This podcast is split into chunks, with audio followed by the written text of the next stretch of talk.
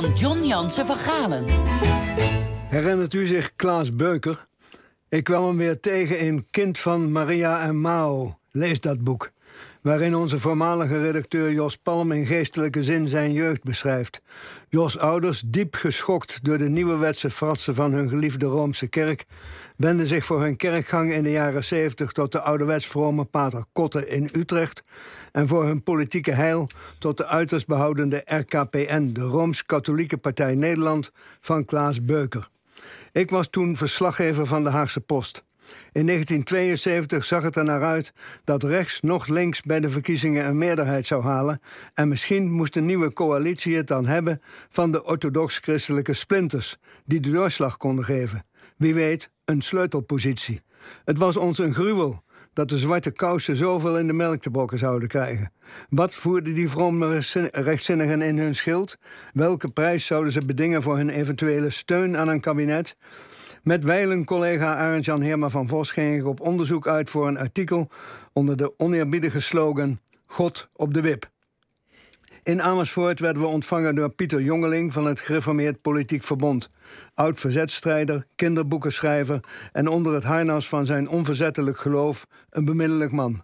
Vervolgens reisden we naar Gouda, waar we aanschelden bij dominee Abma van de staatkundig gereformeerde partij, die opendeed in, zoals het behoorde, driedelig zwart. Beliefden wij koffie, en terwijl hij zich daarvoor naar de keuken begaf, dook mijn collega gauw op de knieën om de deurtjes van het dressoir te openen ten einde te zien, zoals hij zei, waar de partijleider het Satansoog verborgen had. Hij ging er voetstoots vanuit dat de dominee het in zijn kring verboden televisietoestel wel bezat, maar heimelijk verborgen had. Maar lauwloenen, wel jammer. Toen op naar Klaas Beuker, leraar maatschappijleer te horen.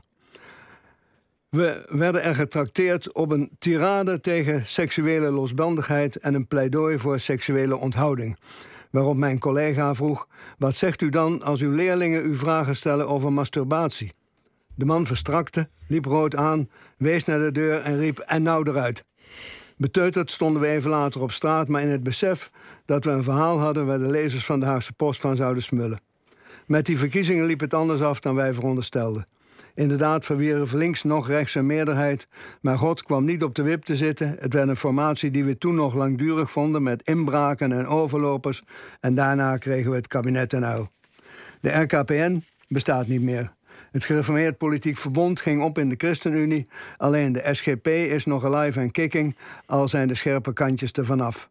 Maar ook het gevoel dat het christendom zoveel mogelijk geweerd moet worden uit het publieke domein. Dat God niet op de wip, maar achter de voordeur thuis hoort, is danig getaand. Deze dagen is er zelfs sprake van dat er op openbare scholen gebedsruimten moeten komen voor moslims. En notabene de voorzitter van de Vereniging voor Openbaar Onderwijs juicht dat toe. Waar hij snel bij zegt dat dan ook hipsters daar kunnen mediteren. Veel oude religieuze scheidslijnen verdwenen, maar sommige zag ik graag terugkomen.